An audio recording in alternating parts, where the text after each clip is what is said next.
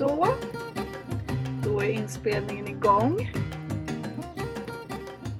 Och då säger vi hej och välkommen till Kornhall och Nets, en skolpodd i samarbete med tankesmedjan Arena Idé. Jag heter Ingela Nets, jag är rektor och med mig i studion har jag som vanligt Per Kornhall, skolexpert och författare. Hej Per! Hej Ingela! Vi har också med oss två gäster idag. Johanna Jara Åstrand som är förbundsordförande i Lärarförbundet och Åsa Fahlén som är förbundsordförande i Lärarnas riksförbund. Välkomna! Tack så mycket. Och som ni förstår så gör ju vi som alla andra just nu och träffas på distans, vilket kanske kommer att påverka ljudet lite grann och det ber vi förstås om ursäkt för i förhand. I den här unika situationen som samhället befinner sig i, i den här coronatiden, så står ju skolan där någonstans i mitten som en av de mest centrala samhällsfunktionerna och ska hantera en kris som absolut ingen av oss kunde förutse eller ana vidden av. Vad tänker ni? Hur hanterar lärarna coronakrisen egentligen? Vad säger du Johanna? Ja, det är ju både imponerande att se hur, hur snabbt lärare har i gymnasiet ställt om till helt andra förutsättningar med distans och fjärrundervisning. Och eh, från början så var det nog en väldigt, eh, ett väldigt lösningsfokus och stor kreativitet eh, bland lärarkåren. Att man ville, man ville stå där. Man vet att som lärare vet vi att vi alltid är viktiga, men just i den här situationen så blir vi, blir vi än viktigare. Men ju fler veckor som går, desto mer pressat och eh, problematiskt blir det här även för, för lärare. Vad säger du då, Åsa? Ja, men jag instämmer med Johanna att jag tror att det var, man är väldigt lösningsfokuserad. Man är ju man vill ju bara att eleverna ska lära sig så mycket som möjligt, att man ska hinna med det som ingår i kurser och, och läroplaner och så vidare. Men jag tror att nu när tiden ramlar på så finns det en stor oro för det här kunskapstappet som eh, oundvikligen kommer att ske och som kommer tyvärr förmodligen att spä på den bristande likvärdighet vi har i svensk skola. Och det tror jag oroar många lärare. Så att man, man eh, börjar nu liksom att förstå att vilka konsekvenser det här kommer att få. Eh, först och främst att, naturligtvis för, för elevernas kunskaper som jag sa, men också tror jag en viss oro för hur kommer det här påverka min arbetssituation i slutet på terminen, över sommaren, när vi drar igång nästa läsår. Ehm, så en oro. Där, jag funder, förlåt, jag, jag funderar på där när, när eh, Anna Ekström och Peter Fredriksson första gången när man pratade om, om skolans roll i det här och, och så, så pratade man bland annat om förlängt läsår, helgskola, sommarskola och så vidare som en konsekvens av precis det som ni båda pratar om nu, att, att vi elever tappar i kunskapsinhämtning, i tempot. Um, jag var ju i min verksamhet bland lärare när de här beskeden kom och det var ganska många som bleknade ganska rejält. Vad, hur, hur var liksom den spontana reaktionen på era respektive kanslier? Ja, men det är ju som du säger Ingela, att det var ju ett väldigt fokus från början på att man skulle upprätthålla samma, samma krav, höga krav på svensk skola som i vanliga fall. Eh, och därmed då hitta lösningar på hur, hur elever ska kunna ta igen undervisning som går förlorad eh, Eh, i en sån här situation. Men det här är ju en helt extraordinär situation och precis som, som Åsa säger så det går inte att eh, upprätthålla det kompensatoriska uppdraget. Eh, vi riskerar att tappa de elever som behöver skolan allra mest. Eh, och eh, när det gäller just elevers rätt till utbildning måste man också hålla i minnet att det är ju, det är ju huvudmannens ansvar att säkerställa det. Det är ju inte den individuella läraren.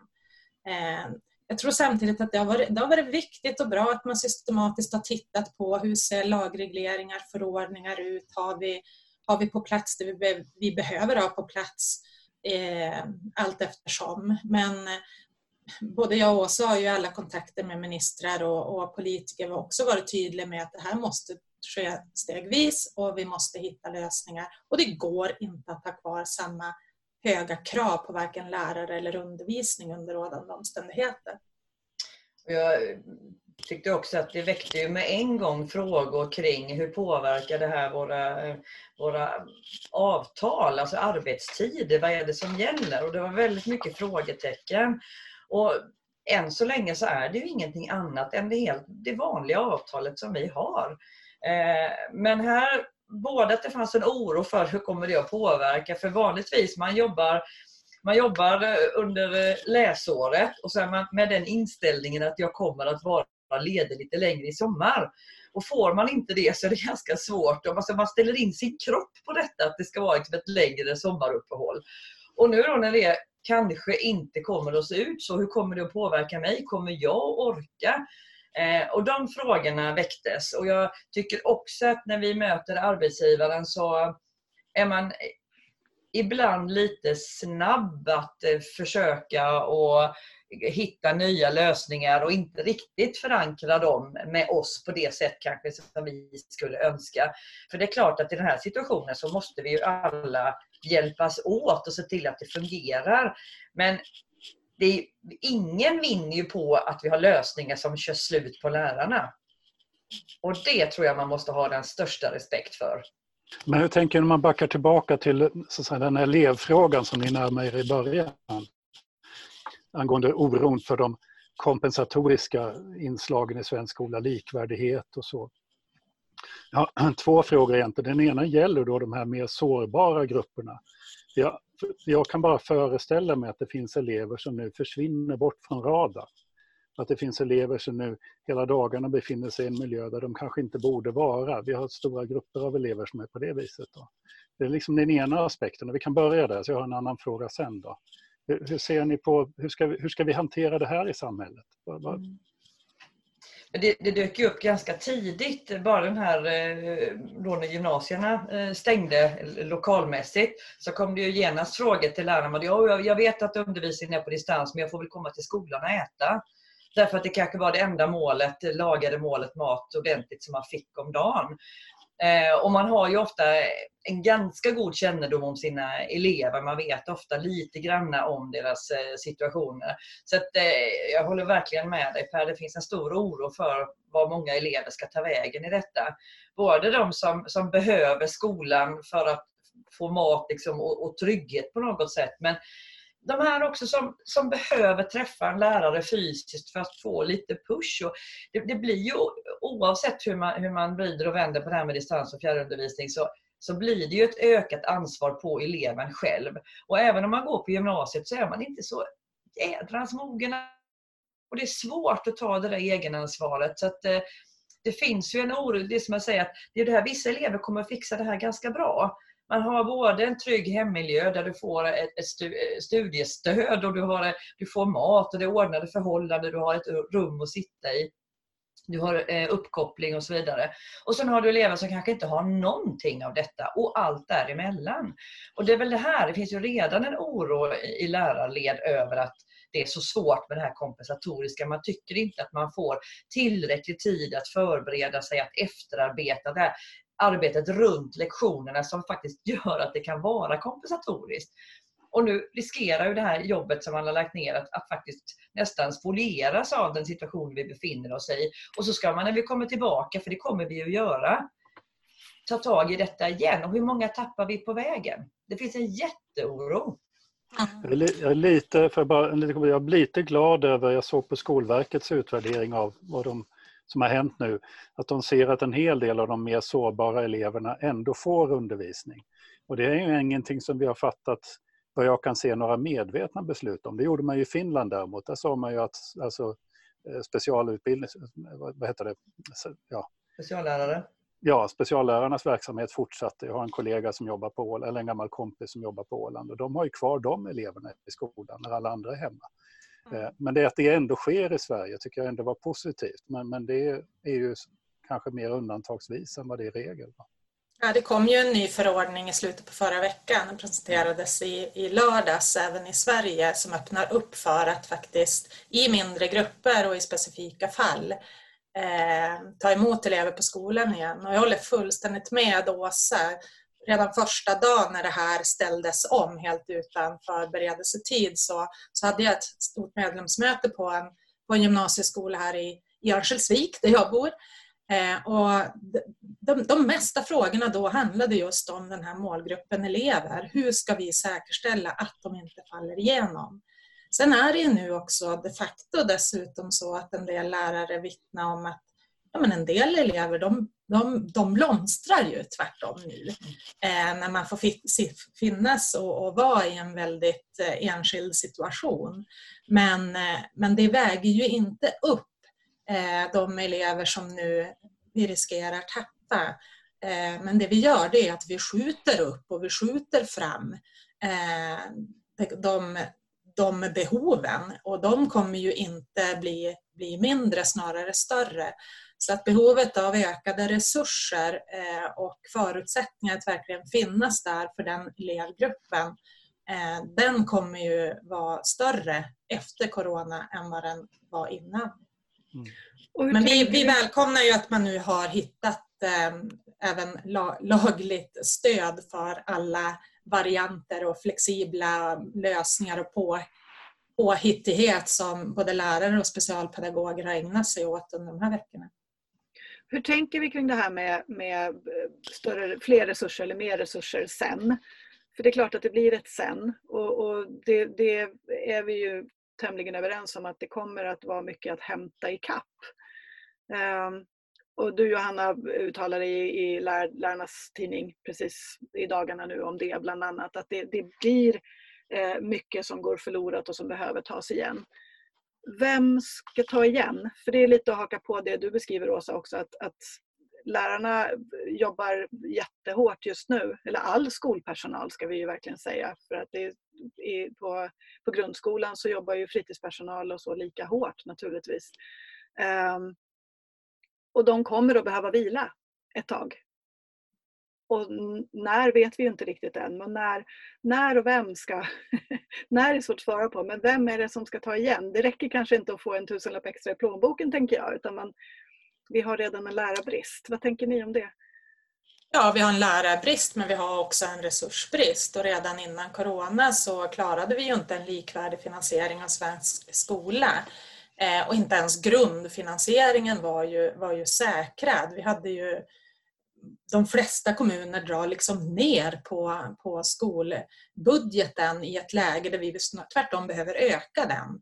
Eh, och det är det vi menar att nu efter corona kommer ju behoven vara än större. Så här är det ju superviktigt att faktiskt staten kliver fram och säkrar en, en tillräcklig finansiering så att vi både kan bedriva ordinarie undervisning men också kompensera för, så att eleverna får det stöd de har behov och rätt till. Eh, och lärarbristen eh, är ju, är ju en fråga i sig som givetvis kräver stora investeringar för att göra yrket attraktivt, både för de som vill bli men också fortsätta vara lärare. Jag vill bara spinna vidare på det, för det är ju precis som du säger Johanna, redan idag så klarar ju kommunerna inte av att, eh, att se till att vi har en likvärdig skola över hela landet. Och jag tror, att, eh, tror och hoppas att den här debatten kring eh, statens ansvar för skolan kommer att, att, att stärkas efter detta. Sen är det ju ett, ett problem i att jag, jag, tror att röster kommer att höjas för att staten tar ansvar för fler saker i samhället. Det är ju mycket som, det, allt ifrån det här med läkemedelsmaterial, alltså material i sjukvården och så vidare. Och vi behöver nog hitta Eh, en, ett samtal tror jag i, i samhället i stort kring vad drar vi gränsen? Vilka funktioner behöver man ta ett nationellt ansvar för och vilka behöver man inte?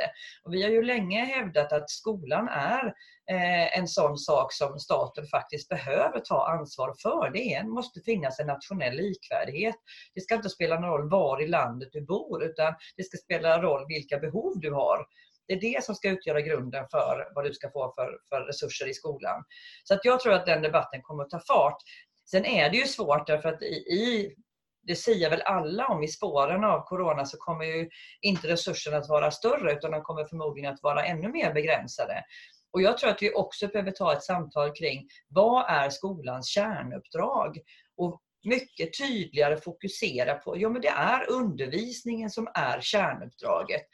För att det ska fungera sen så behövs det funktioner runt omkring. Men det måste vara ett tydligare fokus. Och vi kanske inte mäktar med att skolan ska lösa alla problem i samhället utan vi, vi måste ha undervisningsfokuset. Och den debatten tror jag vi måste ta. Sen om jag ska vara lite mer pessimistisk så tror jag inte att vi kommer att kunna ta igen allting som eleverna tappar. Jag tror inte att det är möjligt. Det, var liksom min... Att...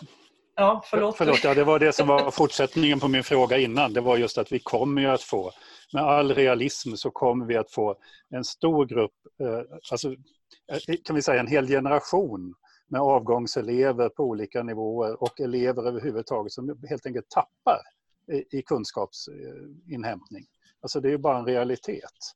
Att tro att man ska kunna hämta upp att vi har stängt skolan några månader, det skulle innebära att säga att skolan inte gör någon nytta. Eh, så att, att ta tillbaka den tiden är väl nästan till omöjligt. Och jag tänker, men är det, alltså, är det nödvändigt då att, att, ta tillbaka alltihopa det här? För jag menar, jag tänker som så att i det system vi har nu, det betygssystem vi har nu, så ska man uppnå vissa kunskapskrav. Om man inte får den undervisning som man kan nå upp till dem, ja då är det ju kört för den här generationen. Alltså är det ett rimligt sätt att se på elevers kunskaper idag, att de ska uppnå ett visst mål? Vi menar ju att kraven både på lärarna och undervisningen behöver eh, sänkas eh, som det ser ut nu. Eh, men man måste också ha i åtanke att det är ju faktiskt inga skolor som, som de facto är stängda i Sverige. Undervisning pågår, lärare jobbar.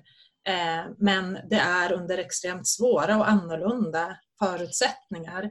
Eh, och det går inte att, eh, att sköta alla moment på gymnasiet och vuxenutbildningen via, via distans. Eh, men vi menar ju också att det är desto viktigare att man har just fokus på årskurs 9 och årskurs 3. I gymnasiet däremot så är det ju en hel del kurser i både årskurs 1 och 2 som är examinerande. Så det här behöver ju, behöver ju ses över. Men när det gäller grundskolan och om det kommer hamna i distansundervisning även där och på grund av att i vissa klasser så är ju majoriteten hemma med sjukdom eller symptom. Eh, ja, då, då kanske man faktiskt inte ska ställa krav på att betyg ska sättas i alla moment eller i alla ämnen som, som man faktiskt inte har kunnat bedöma. Det går inte heller, menar vi, att ha samma krav på timplanen, att den ska uppfyllas som det ser ut nu. Eh, men jag är helt säker på att eh, Eh, den här, den här debatten kommer, kommer krävas att vi har framöver.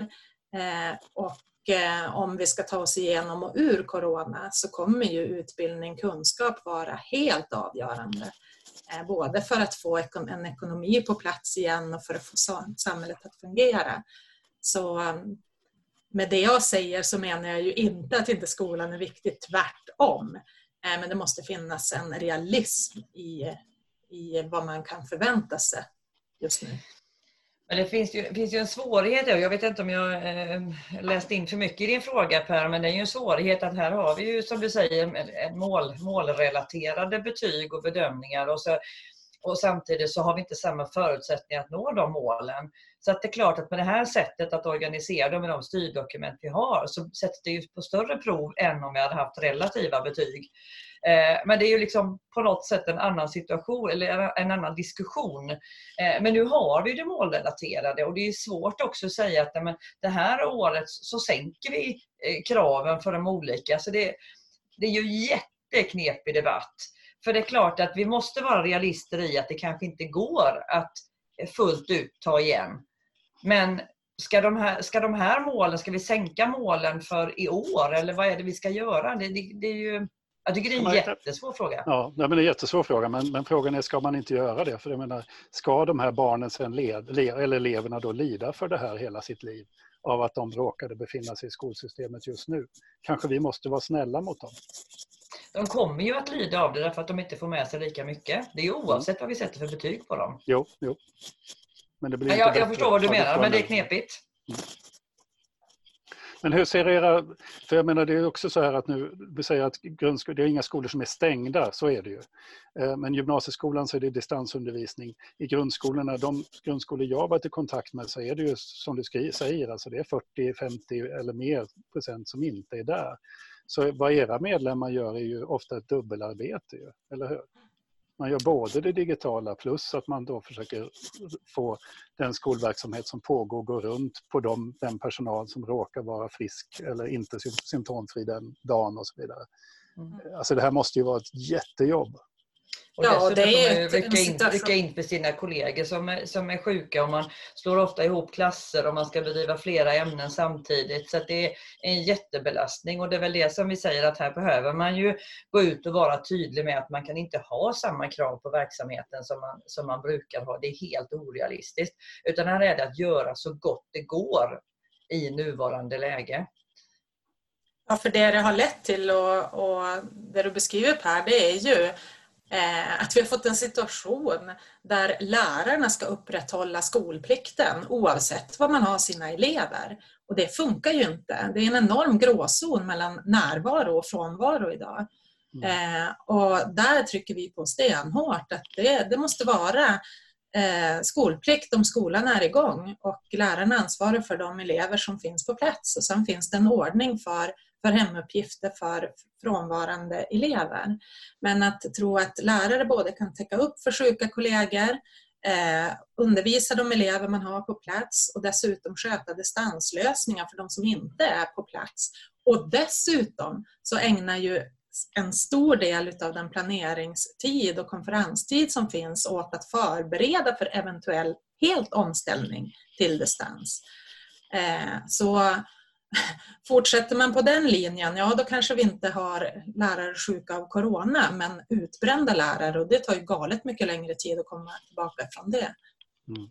Det finns ju en, en eh, i Lärarförbundet, Johanna, ni organiserar ju väldigt mycket förskollärare också och, och förskolan är också en, en aspekt i det här där, där eh, man, jag tycker man hör fler och fler personalröster som signalerar att, att det här med att hålla social distans och två meter och det är ju helt uteslutet naturligtvis i förskolan mm. med små barn och även i delar av grundskolan förstås. Um, vad, tänker du, vad tänker du kring det? Ni har pratat bland annat om det här att, att eh, man ska kunna vara hemma eh, med sån smitt, smittbärarpenning heter det, när man, om, man, om, man inte, om man tillhör riskgrupp till exempel och jobbar i förskolan. Får ni gehör mm. för de frågorna? Ja, nej men det var ju flera frågor i en. Men situationen på, på vissa förskolor är ju helt ohållbara. På en del förskolor så är det så många barn borta så där, där har vi ju ganska rimliga barngrupper nu. Det är nog positivt. Men på, på många förskolor så är det ju tvärtom. Man är kort om personal eh, och föräldrar hörsammar inte Folkhälsomyndighetens riktlinjer utan lämnar sina snoriga och hostiga barn till förskolan ändå. Så förskollärarna får stå vid dörren och agera vakter. Det är helt ohållbart och oacceptabelt. Eh, och sen är det ju precis som du säger att de här allmänna riktlinjerna kring distans, kring hygien, ökade hygienkrav, kring matsituation. Det är ju en utopi på en förskola. Eh, det barnen behöver där det är ju närhet, trygghet, den här kramen. Eh, att det ska, det ska kunna fungera på, på så, så normalt som det bara går i den här helt onormala eh, vardagen. Eh, men, eh, och många förskollärare vittnar också om att eh, i ett läge där man kanske behöver extra städning, där, där finns inte ens städerskan längre för den har blivit flyttad till, till vården och, och äldreomsorgen. Så att det är på sina håll ohållbart och är det så illa och dessutom så att man känner som personal att man inte kan, kan förhindra en, liksom, en okontrollerad smittspridning, ja men då kan man inte fortsätta bedriva verksamhet. Eh, men annars så, eh, så driver ju vi just för de lärare i förskolan och i grundskolan som är i riskgrupp, att de de, de behöver kunna vara hemma med ersättning och idag hamnar man mellan stolarna. Eh, om du inte redan är smittad, det är då smittbärings pengen kommer in. Men smittskyddspengen, den, den omfattas inte våra målgrupper av. Eh, och där eh, skickade vi in en skrivelse redan för, för två och en halv vecka sedan eh, och uppmärksammade den här, det här problemet. För som det är nu så ska, ska våra medlemmar följa Folkhälsomyndighetens riktlinjer då, då kostar det dennes lön och det funkar ju inte. Och dessutom, så, tillägg till det, så är ju egentligen för, för många av, av eh, våra medlemsgrupper så handlar det om att du kanske skulle kunna utföra ditt arbete hemifrån om du tillhör en riskgrupp. Alltså, precis som vi pratade om innan, idag blir det mycket dubbelarbete. Du ska både undervisa de elever som befinner sig i skolan och så ska du dessutom på något sätt serva de elever som är hemma. Säg att du tillhör riskgruppen, varför inte kunna få sitta hemma och bedriva distansundervisning, alltså sköta den delen av av arbete som behöver göras och göra det hemifrån så att du liksom fortfarande fullgör ditt arbete men du har full lön. Det är ju väldigt mycket bättre. Problemet med eh, smittlärarpenning och smittskyddspenning är ju att ersättningen är ganska låg. Så det allra bästa är naturligtvis att du kan få utföra ditt arbete i hemmet om du tillhör en riskgrupp. En, en helt annan fråga. Jag hörde på radio att det fanns skolor som inte kunde ta emot VFU-studenter. Då blir jag lite så förvånad. Är inte det här ett lysande tillfälle att visa VFU-studenter hur verkligheten ibland kan vara? Alltså att man bara låter VFU-studenter sitta bredvid den som sitter hemma och jobbar med digital undervisning. Att följa det som faktiskt sker i skolan just nu. Men jag tror att det är svårt i och med att det är en sån eh, extrem situation så det är svårt att vara eh, handledare på det sättet. Alltså risken är ju att du inte få till de här samtalen och få en kvalitet i en VFU. Eh, men det är ju oerhört problematiskt för det är många elever som är på sluttampen och det är kanske det sista du har kvar. Och så I den här lärarbristen som vi har nämnt tidigare så riskerar vi att förvärra den när man då inte kan fullgöra sin utbildning. Där hade ju vi ett, ett ett förslag att man skulle titta på istället då för att eh, ta in pensionärer som ju faktiskt bara åldersmässigt tillhör en riskgrupp. Titta på, skulle man kunna ta in sista års studenter där man går in och, och vikarierar men att du också har en koppling till en VFU-ledare, att hitta någon slags liksom, akutlösning just nu. Där du både kan gå in och vara med och täcka upp som vikarie men att du samtidigt får en VFU-handledare som du är kopplad till och kunna få den här feedbacken för att kunna fullgöra din utbildning, för att kunna komma ut och bli färdig och få din examen. Mm. Så man behöver nog titta på lite olika lösningar idag. Mm. Ja. ja, och lärosätena agerar ju olika och huvudmännen agerar olika. Det är många VFU-studenter som är ute nu och får sin VFU. Eh, men det är många också som, som, som missar den. Eh, så vi har också sett på, om du tittar på de som läser till, till lärare i fritidshem eller lärare, alltså förskollärare, så borde man ju öppna upp för möjligheten att göra sin VFU under sommarmånaderna till exempel. När det gäller ämneslärare så, så börjar inte de oftast terminen förrän i, i september medan skolorna öppnar förhoppningsvis i augusti. Mm. Eh, och där finns det också veckor att, att tjäna. Så att jag tror att man, vi, man behöver hitta nya lösningar men fokus måste ju såklart vara på att studenterna får den, en, en bra VFU. Och en viktig del i VFU är ju också elevkontakterna och relationerna. Eh, och de, den är ju av naturliga skäl tuffare på, på distans. Inte omöjlig, men svårare. Mm. Vad, vad tror ni kommer att hända Eh, med, apropå sen, apropå eh, läraryrket generellt och, och, eh, hur många som utbildas och så vidare. Vad kommer att hända med lärarnas status efter Corona? Går det ens att sia om det? Mm. Jag hoppas ju att, eh, jag tycker att det ansvar som lärare tar idag i den situationen vi befinner oss i, att trots att det innebär oerhört många möten med människor eh, under en dag, så går man dit och gör sitt jobb och, och ser till att en oerhört viktig, både kunskapsinstitution men faktiskt också samhällsinstitution, eh, upprätthålls. Så hoppas ju jag att det leder till att en större respekt för läraryrket.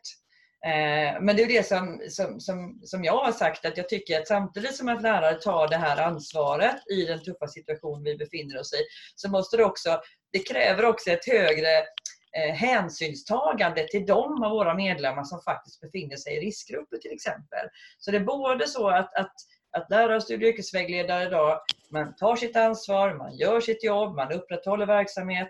Men de som befinner sig i riskgruppen, de måste man ta extra hänsyn till. Men det här ansvarstagandet hoppas jag leder till en, till en, en högre respekt Eh, och jag tycker att eh, vi dagligen nu får bevis på hur extremt viktigt läraryrket är. Inte bara för de barn och elever vi möter varje dag utan för hela samhällets utveckling. Eh, och det, det tävlar ju nu beslutsfattare om att säga. Så jag hoppas att Corona inte sätter sig på deras minne utan att de verkligen också minns det här nu efteråt. Mm. Eh, läste dessutom ledaren i Expressen i, i helgen som jag tycker var extremt, eh, för, för, kanske föga förvånande att jag tycker det, men klockren. Där han ifrågasätter industrimärket för lönesättning och tycker att det är på tiden att lärare och sjuksköterskor får vara löneledande. Och det ser jag eh, framför mig som en effekt av eh, den här tiden. Mm. Ja, men det är väl uppenbart tycker jag att, att man, skolans roll som någon sorts central institution i samhället har blivit tydligare nu än vad det har varit tidigare. Eh, man ser vilka konsekvenser det skulle innebära med en stängning av förskolor och grundskolor. Det är det ingen som klarar av eh, att riktigt se framför sig. Man gör ju det i andra länder men de har ju också problem. Jag har pratat med kollegor i Norge som de ser ju vilka problem det här skapar i samhället. Men det kanske, kanske du... också kan leda till att eleverna, de som eh, tvingas vara hemma nu, längtar till skolan. Ja, ja men det, jag tror också det. Att högre själva... utsträckning än tidigare. Ja, men att själva det man, kommer, det man saknar nu det är ju undervisningen. Det man saknar mm. är klassrummet, det man mm. saknar är människokontakten. Det man saknar är, är liksom ledarskapet i, i grupp och sånt där. Så att, ja, det finns ju hopp, skulle kunna hopp. Men, men en fråga nu, hur startar vi om det här? Alltså, när det här börjar ebba ut och saker och ting ska bli normala, vad har vi lärt oss då? Alltså, vad är det viktigaste vi har lärt oss? Och hur startar vi om? Jag tänker att det som alltid, det Åsa också var inne på, att det handlar ju om att hitta lösningar tillsammans i en svår situation. Och det som tar oss igenom och ur det här, det är ju tillsammansarbetet.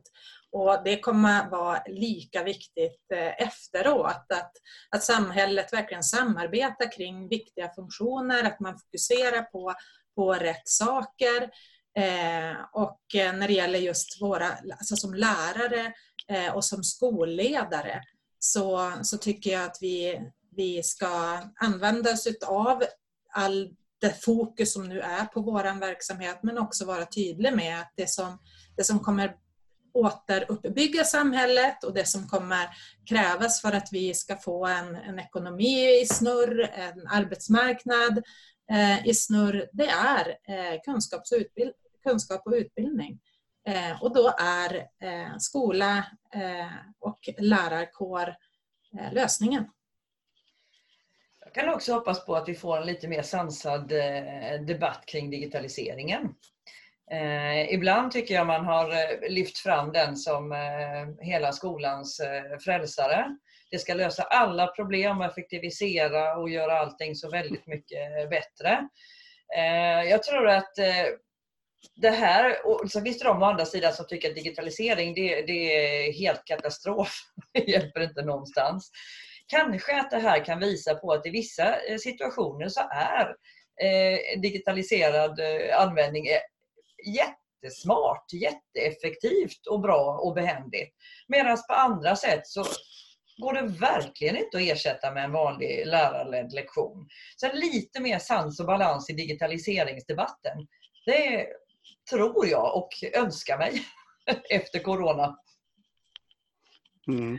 Men finns det en, en, eh, apropå digitalisering, jag tycker att det är en spännande fråga ändå. Ehm, för nu är vi tvångsdigitaliserar ju nu i, i eh, hög takt kan man väl lugnt säga på alla, alla nivåer. Och ser mycket fördelar men också, precis som du säger Åsa, många liksom brister.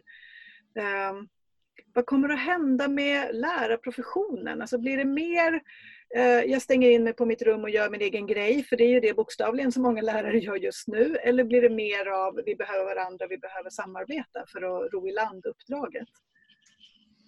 Ja, men jag även om lärare... så mycket. Ja.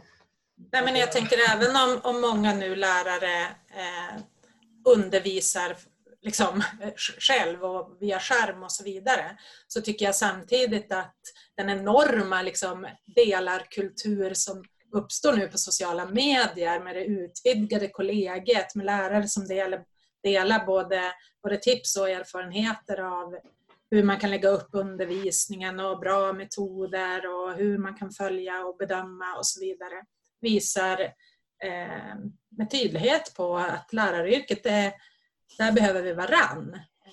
Men, men samtidigt så håller jag fullständigt med, med Åsa om det diggesprång som, som vi nu blir liksom intvingade i. Eh, men det sätter ju också fingret på den enorma skillnad som, som finns både mellan skolor, mellan huvudmän eh, i tillgång till teknik och digitala Eh, förutsättningar och inte minst bristen på, på IT-stöd. Så att eh, om det här diggesprånget eh, får en, en positiv effekt så hoppas jag också att kring och stödresurserna eh, får det. Vi ska inte vara naiva där och inte förstå att också att edtech-industrin tycker det här är skitbra ur någon synvinkel. Eh, de var väldigt snabba med att se till att få ut sina produkter och alla andra förlag hakade snabbt på och så vidare. Det var inte bara välvilja och omsorg om det, för då hade de kunnat vänta några dagar eller något tills de fick en förfrågan om de ville hjälpa till, utan de snabbt skulle ställa det här. Alltså det finns ju en, naturligtvis en tanke från deras sida då, som man också kan se dem uttrycka ibland. Då. Men apropå det här med tillsammans, hur går det nu med alla era kongresser och, och, och, och möten och ny organisation för facken? Och, och, är det mindre aktuellt och hur löser ni rent praktiskt det fackliga arbetet här? Och ett eventuellt samarbete kring er. Ja. Vi, vi tänker inleda vår kongress digitalt. ja. Nej, men det är ju enda sättet att träffas på. Eh, och då handlar det ju både om vad är det som faktiskt går att göra digitalt. Allting går ju inte att göra. Så både vad, vad går att göra, vad är det vi måste göra rent det kan vara bokföringsmässigt och så vidare och vad är det man sen bör göra. Så eh, det är klart att det skjuter på saker och ting eh, i och med att man inte kan träffas som vanligt. Så vi har ju planer på att eh, inleda vår kongress i maj. Men att sen förslaget är att kongressen sen ska ajourneras till efter sommaren och då med hopp om att kunna träffas fysiskt. Mm. Och då blir det också de här lite svårare frågorna kring samarbete mellan er, era två förbund som ni skjuter på då, tänker jag, eller? Ja, men saker och ting som man behöver diskutera och träffas och vända och vrida på är ju svåra att göra digitalt. Mm. Ja, men våran, våran process den har ju inte avstannat, den fortsätter men sen blir tidsplanen förskjuten av naturliga skäl. Mm. Eh, så vi, vi hade ju kallat till extra kongress samtidigt som LR då har sin ordinarie kongress i maj. Eh, och nu har vi, har vi fått ett avhopp från förbundsstyrelsen så vi måste vi måste ha ett fyllnadsval. Så vi kommer också inleda kongressen som det är tänkt i den 16 maj digitalt eh, och förrätta formalia och fyllnadsval för att sen eh, kunna återuppta den då i höst. Eh, det, men det är ju, det är ju nulä, nulägestanken. Ja. Vi, vi lever alla i förhoppningen att fysiska möten är tillåtna i höst. Ja. Eh, och jag ser extremt mycket fram emot det. Ja. Jag med. Så, så himla kul är det inte att sitta inlåst i sitt, sitt hus eller sin lägenhet, eller hur? Nej. Jag börjar få lite lappsjuka om jag ska vara riktigt ärlig ibland. Men verkligen. Ja. Men vad tror ni då? Ehm, kommer, kommer det bli lättare för er och era respektive förbund att, att göra gemensam sak med en, en, en kris som vi har gått igenom tillsammans i ryggen? Om vi tittar fram dit när vi vet att det är över?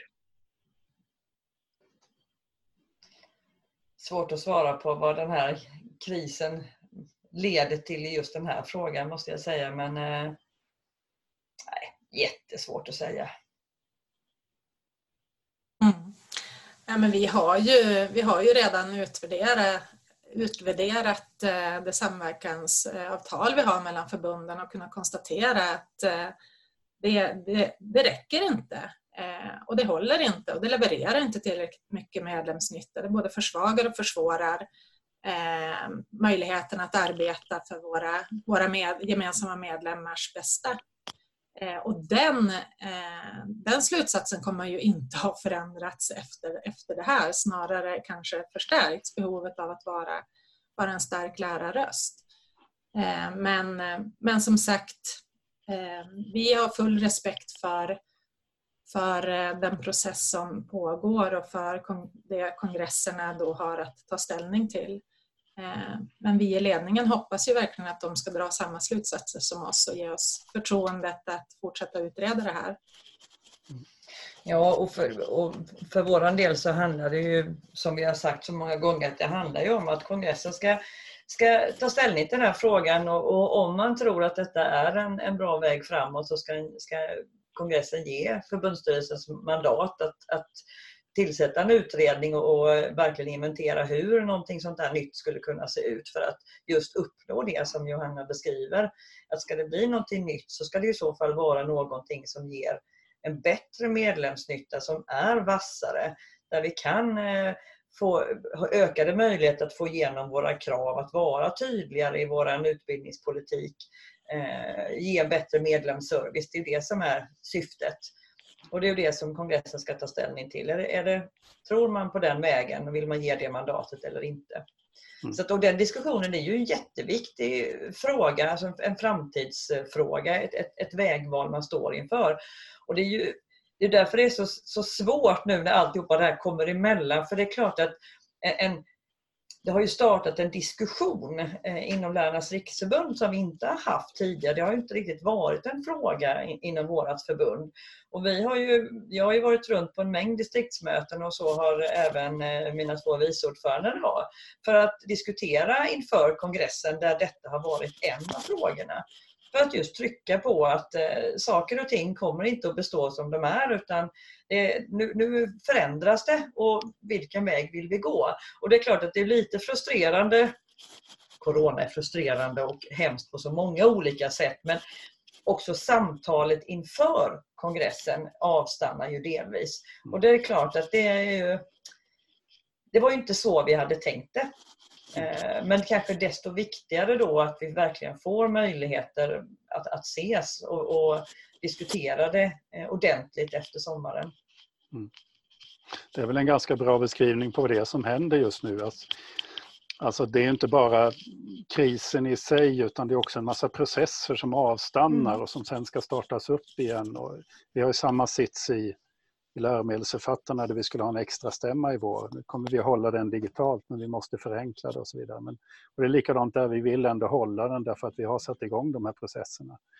Eh, så det är ungefär som ja, saker och ting, eh, man sätter, trycker på paus så händer det ju mer, alltså de här hjulen slutar ju snurra och sen ska de ju startas upp igen, eller hur?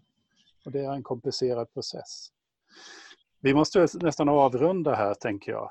Jag skulle bara vilja framföra till er bägge och till era medlemmar ett fantastiskt stort tack för allt det arbete som läggs ner just nu av alla i systemet. För jag är så imponerad av alla från, från ministerium ut över fackförbunden till skolpersonal ända ner till golvet till de enklaste över allt det arbete som läggs ner. Det är ju, det är ju makalöst. Faktiskt. Vad vi människor visar oss vara. Ja, nej, men det är häftigt att se, verkligen, att man trots allt som händer upprätthåller verksamhet. Fortfarande tycker att det är liksom motiverande och viktigt och all den energi och kraft som man, som man lägger på att göra så gott det bara går för alla elever man, man har. Mm. Är det häftigt? Mm. Ja, det, det är mycket som inte blir som man har tänkt sig men eh, det här samtalet blev precis så intressant som som vi hade tänkt oss att det skulle bli. Eh, tusen tack för att ni var med båda två. Att ni kunde på kort varsel ställa upp. Det är väldigt roligt att få prata med er. Det kanske blir fler gånger så småningom, post-corona, det vet man aldrig.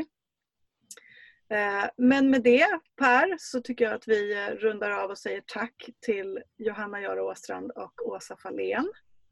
Stort tack själva! Jätteintressant! Mm, tack så mycket. Tack. Ha det så gott. Vad tyckte du om det här samtalet då, Ingela? Eh, jag tycker att det var jätteintressant. Jag tänker att eh, det är tydligt att från båda förbundens håll så eh, värnar man oerhört mycket om sina medlemmar just nu och ser allt det som är svårt och tufft och ovant och, och slitigt för all personal i skolan. Och samtidigt så trycker båda på eh, att vi kommer att behöva hämta tillbaka väldigt många elever som vi tappar taget om på ett eller annat sätt nu. Eh, det handlar nog inte bara om de elever som har behov av, av särskilda insatser utan det kommer vara många andra också som, som svävar iväg under den här mm. tiden. Och som bara det faktum som vi nämnde också att man, att man faktiskt inte kan kanske få möjlighet att examinera de saker som behöver examineras för att få sina slutbetyg och så vidare. Så det mm. finns någon sorts både och situation där. Mm. För, för frågan väldigt... vem som ska göra det och när är ju inte besvarad.